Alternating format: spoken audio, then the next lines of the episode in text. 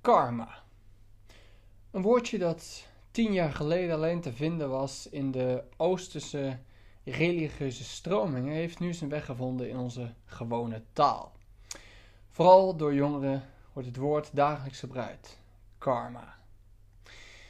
Het betekent zoveel als je krijgt wat je toekomt.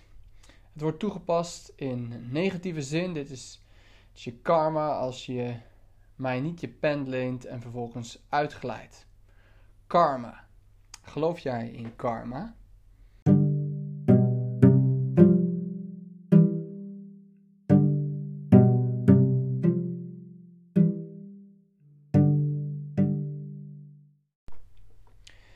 Natuurlijk is dit gegeven niet alleen van deze tijd. Spreekwoorden als wie de bal kaatst kan hem terugverwachten en wie een kel graaft voor een ander valt er zelf in communiceren een vergelijkbare waarheid.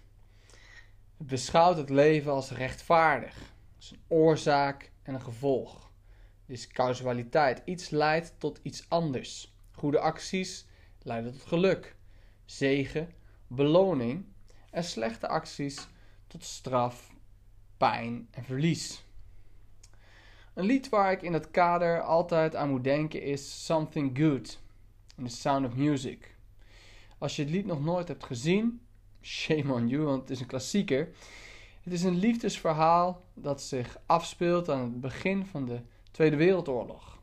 Een weduwnaar wordt verliefd op een non die de tijdelijk oppas is van zijn zeven kinderen.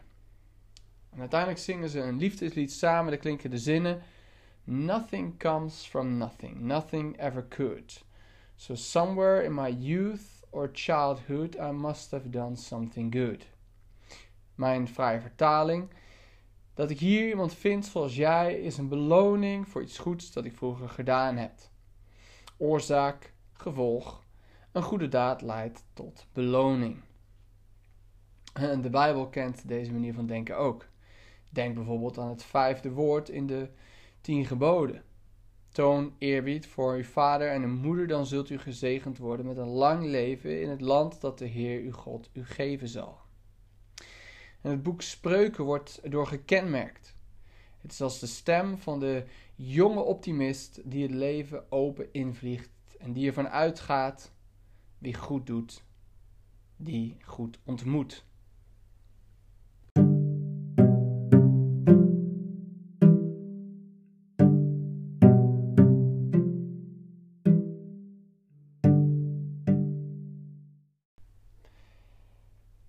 Maar hoe langer we leven, des te meer komen we erachter dat karma niet altijd werkt. Sterker nog, die hele idee van karma soms totaal afwezig is. De Bijbel is hier heel eerlijk over. Terwijl dat in tegenspraak lijkt te zijn met wat God beloofd heeft, met bijvoorbeeld het eren van onze ouders. En daar mogen we soms ook maar blij mee zijn, want gelukkig sterft niet iedere kettingroker vroeg aan longkanker niet iedere alcoholist aan een falende lever.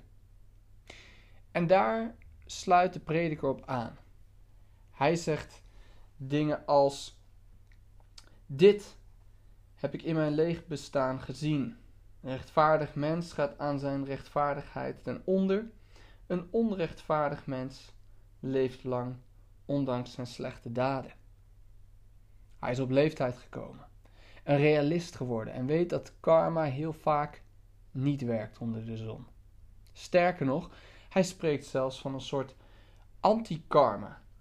Ik heb ook gezien hoe zondaars naar het graf werden gedragen. Op de heilige plaats werden ze in het graf gelegd en ze verdienden, verlieten onder eerbetoon het leven. Maar de rechtvaardigen werden vergeten in de stad.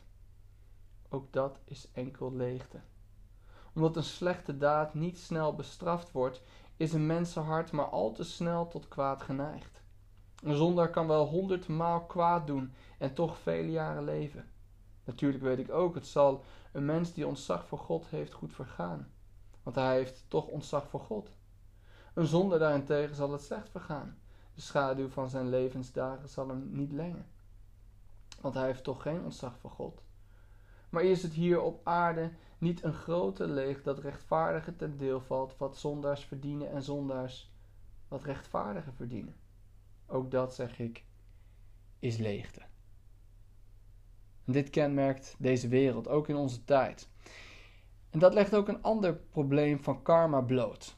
Wie iets goeds doet omdat dat goed ontmoet, raakt waarschijnlijk ontmoedigd vanwege het, het falen van dit verband. We geven het op omdat het niet werkt en lopen zelf zelfs het risico over te springen naar de andere kant, waarbij we het kwade niet uit de weg gaan omdat er geen gevolgen aan zitten.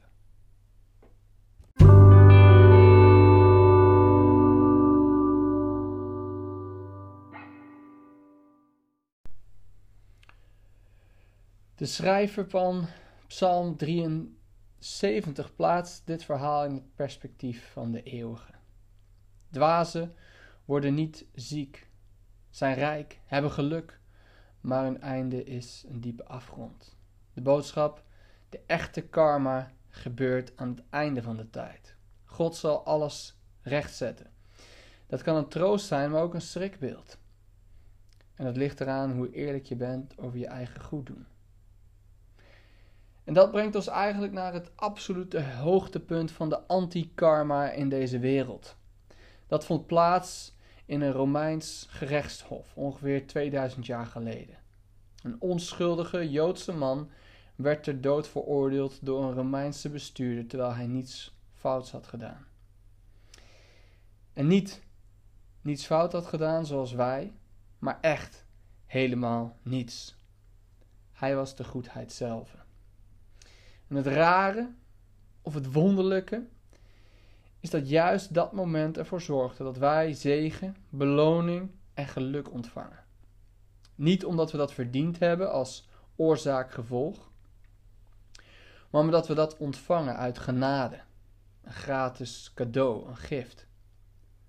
En we mogen op basis van de anti-karma die Jezus in zijn onrechtvaardige proces onderging, weten dat wij uiteindelijk niet hoeven op te draaien voor ons niet goed doen, denken, zoeken. Jezus draaide daarvoor op. En dus zijn we vrij van de wet van karma. En mogen we leven als mensen die het goede oprecht zoeken, zonder dat te doen voor een beloning. En tegelijkertijd ook eerlijk zijn over hun eigen falen, zonder daarin te verwachten dat uiteindelijk de straf volgt. Wij leven uit genade.